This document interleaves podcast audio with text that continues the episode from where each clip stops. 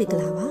နားစိမှာ podcast ကနေပြန်လည်ကြိုဆိုလိုက်ပါတယ်ဒီနေ့ဝင်မြပေးလို့တဲ့အကြောင်းအရာလေးကတော့ domestic violence လို့ခေါ်တဲ့အိမ်တွင်းအကြမ်းဖက်မှုအကြောင်းပဲဖြစ်ပါတယ်အဲ့တော့အိမ်တွင်းအကြမ်းဖက်မှုလို့ပြောလိုက်လို့ရှိရင်သူ့ရဲ့နာမည်အတိုင်းပဲပေါ့နော်အိမ်တအိမ်မှာအတူတူနေထိုင်ကြတဲ့အခြေအနေမှာအကြမ်းဖက်မှုဖြစ်ပွားတာကိုဆိုလိုတာဖြစ်ပါတယ်အဲ့ဒီတော့အိမ်တွင်းအကြမ်းဖက်မှုသည်ဘသူမဆိုအိမ်ထဲမှာတူနေတိုင်းတဲ့ဘသူမဆိုခံရနိုင်ပါတယ်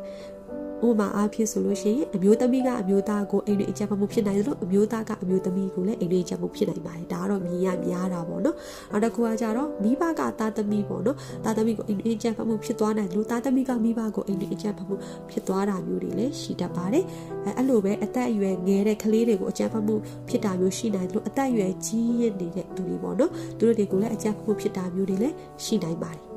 ဆိုလိုတာကအိမ်တွင်းကြပ်ဖတ်မှုမှာဆိုလို့ရှိရင်အသက်အရွယ်ကြားမှနောက်ပြီးသူရဲ့ကိုးကွယ်တဲ့ဘာသာပြီးတော့လူမျိုးအဲ့ဒီအပေါ်ဒီမှာမမိခိုးဘူးပေါ့နော်ဘယ်သူမဆိုသည့်အကြမ်းဖတ်မှုခံရ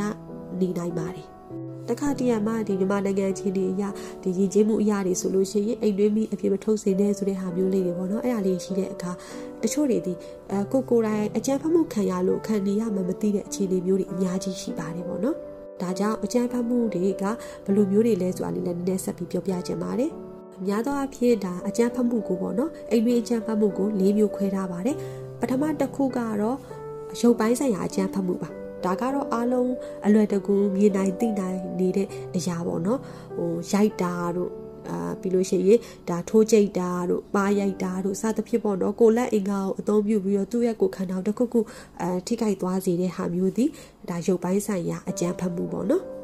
ဒုတိယတစ်ခုကကြတော့စိတ်ပိုင်းဆိုင်ရာအကြမ်းဖက်မှုပါအဲ့ဒါကတော့များသောအားဖြင့်စကလုံးတွေနဲ့ပြုလုပ်တာများပါတယ်အဲ့တော့တစ်ဖက်သားမကြိုက်အောင်ပေါ့နော်အာဆဲဆိုတာပြီးတော့ဟိုသူ့ကိုစိတ်ဆင်းရဲစေမဲ့ဟာမျိုးသူ့ကိုအရှက်ရစေမဲ့ဟာမျိုးစိတ်ဒုက္ခရောက်စေမဲ့ဟာမျိုးကို ပြောပြီးတော့ဟိုသူ့ကိုယ်သူတတ်မိုးငါဟာတမိုးမရှိပါလားဆိုပြီးတစ်ဖက်လူခံစားရအောင်ပြောဆိုတာမျိုးတွေဆဲဆိုတာမျိုးတွေဒါမျိုးဒီအဲစိတ်ပိုင်းဆိုင်ရာကြမ်းမှုမှာပါပါတယ်တချို့အိမ်တွေမှာဆိုလို့ရှိရင်ဒါအဲယောက်ျားလုပ်တဲ့သူကအရက်တွေတောက်ပြီးသားသမီးတွေမိန်းမတွေကိုဆဲဆိုတာတွေကျိန်းပေါင်းတာတွေဆိုလို့ရှိရင်ဒါတပြေးတောက်တောက်တစ်ချိန်လုံးပြောနေတာမျိုးဒီလဲဒါစိတ်ပိုင်းဆိုင်ရာအကြမ်းဖက်မှုတွေမှာပါဝင်ပါတယ်ရိုက်တတ်ပြီဆိုရင်တော့အရှိမပြောခဲ့တဲ့ရုပ်ပိုင်းဆိုင်ရာအကြမ်းဖက်မှုတွေပါသွားတာပေါ့နော် အဲ့တော့နောက်ပြီးတတိယတစ်ချက်ကိုဆက်ပြောရမယ်အဲ့ဒါလေးကတော့ငွေကြေးပိုင်းဆိုင်ရာအကြမ်းဖက်မှုပါဒါလေးကတော့ကြားရလဲနည်းနည်းတော့ဟိုတိတ်မကြားဘူးလောက်ဘူးလို့တော့မြင်ပါတယ်ဒါပေမဲ့အကြမ်းငွေကြေးပိုင်းဆိုင်ရာအကြမ်းဖက်မှုကကြတော့သူကတိတ်နှစ်ယောက်ပိုင်ဆိုင်တဲ့အရာပေါ့နော်ဥပမာဒီမိသားစုပိုင်ဆိုင်တဲ့အရာဖြစ်ဖြစ်လေနဲ့မိသားစုလည်းနှစ်ဦးပိုင်ဆိုင်တဲ့အရာမှာတဦးကတခြားသူတဦးရဲ့ပိုင်ဆိုင်မှုကိုလုံးဝမပေးဘဲနဲ့တယောက်တည်းကပဲချဲ့လဲတာမျိုးကိုဆိုလိုတာပါအဲ့တော့ ဘယ်ဟာတို့တော့လုံးဝပတ်စံမသုံးရဘူးအာဘာအတွက်ဆိုဘာကြောင့်သုံးရမယ်ဆိုတာကိုဟိုလုံးဝပေါ့နော်အတိတကျသုံးဖို့ပေးထားတယ်သူမတယောက်မသုံးစေခြင်းတဲ့ဟာကိုနောက်တစ်ယောက်ကလုံးဝသုံးခွင့်မရှိဘဲနဲ့ဒါတယောက်တည်းကပဲ အဲဒီငွေကြေးနဲ့ပတ်သက်ပြီးအကုန်လွှမ်းမိုးချုပ်ကင်ထားလိုက်တာပေါ့နော်အဲ့ဒါကိုဆိုလိုတာပါအဲတချို့ဆိုရင်ကလေးတွေကိုကြောင်းမတက်ခိုင်းတာအာမိန်းမအောင်ဆိုလို့ရှိရင်အလုံးမလုံးခိုင်းတာဟိုပေါ့နော်သူကိုပေးတာနဲ့လောက်အောင်သုံးတခြားဘာမှလုပ်ခွင့်မရှိဘူးငွေကြေးပိုင်းဆိုင်ရာအရာငါပေးတာယူငါကြွေးတာစားပေါ့နော်ငါပေးတဲ့လောက်နဲ့ချစ်နဲ့တခြားဘာမှလုပ်ခွင့်မရှိဘူးတိုင်ပင်ပြောဆိုခွင့်မရှိဘူးဆိုတဲ့အဲအခြေအနေမျိုးပေါ့နော်ဒါမျိုးဒီငွေကြေးပိုင်းဆိုင်ရာအကြမ်းဖက်မှုတွေပါပါတယ် နောက်ထပ်နံပါတ်၄တစ်ချက်ကကြတော့ဒါမြန်မာနိုင်ငံအရာဆိုရင်ဒီအိမ်ကြီးကြက်ဖက်မှုလို့ပြောလိုက်ရင်အဲ့ဒါကိုထည့်သွင်းစဉ်းစားတာနေတယ်ပေါ့နော်အဲ့ဒါလေးကတော့လိမ်ပိုင်းဆိုင်ရာအကြမ်းဖက်မှုဖြစ်ပါတယ်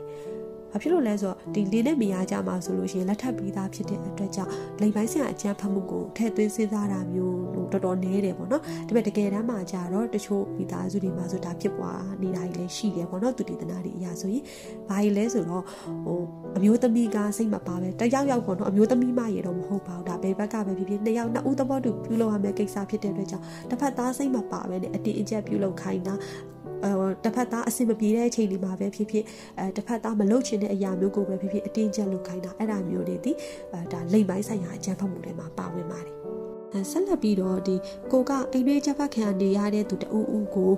တွေ့ထားတယ်ဆိုလို့ရှင်ပေါ့နော်ကွာတိနေတယ်ဆိုဘလို့ကူကြီးရနိုင်မလဲဆိုတဲ့အကြောင်းလေးတွေအဲ့နဲ့ပြောပြချင်ပါတယ်အဲ့တော့ပထမအဆုံးအရေးကြီးတာကတော့ကိုကူညီမဲ့သူ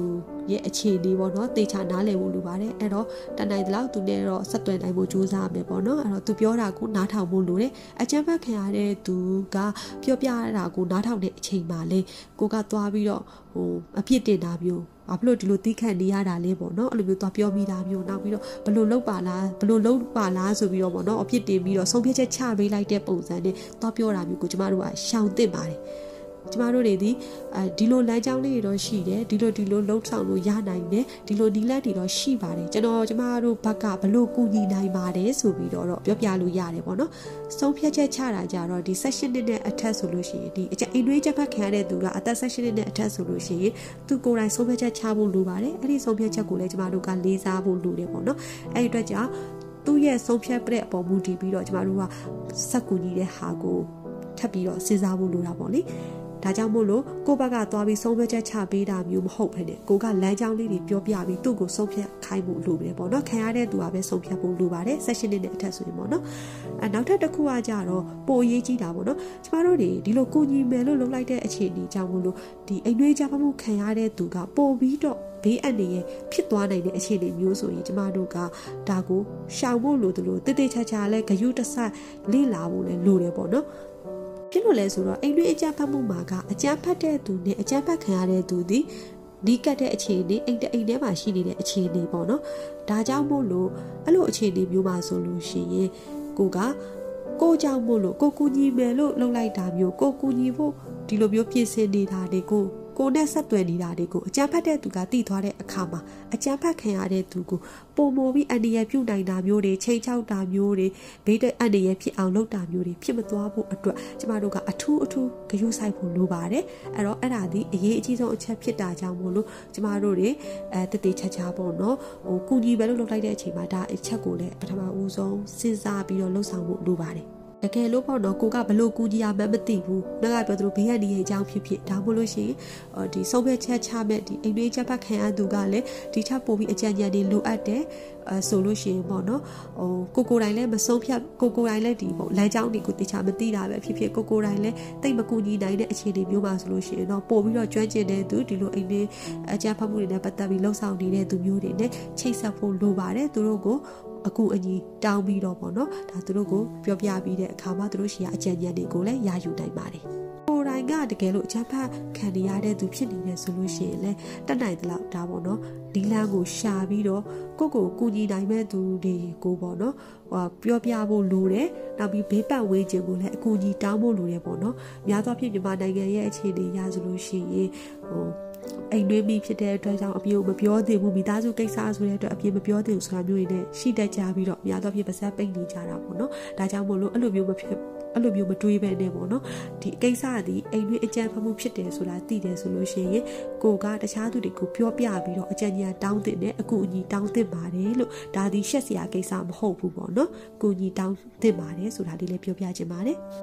အားလုံးပဲအချိန်ပေးပြီးနားဆင်ပြီးတဲ့အတွက်လည်းကျေးဇူးအများကြီးတင်ပါတယ်တကယ်လို့မိကုန်းလေးတွေရှိရင်ပဲဖြစ်ဖြစ်အဲပြောခဲ့တဲ့ဒီမှာကြံခဲ့တာလေးတွေမရှင်းတာလေးတွေရှိခဲ့လို့ရှိရင်လည်း comment လေးတွေပေးပြီးတော့ဆွေးနွေးပေးနိုင်ပါတယ်အားလုံးကိုကျေးဇူးအများကြီးတင်ပါတယ်ရှင်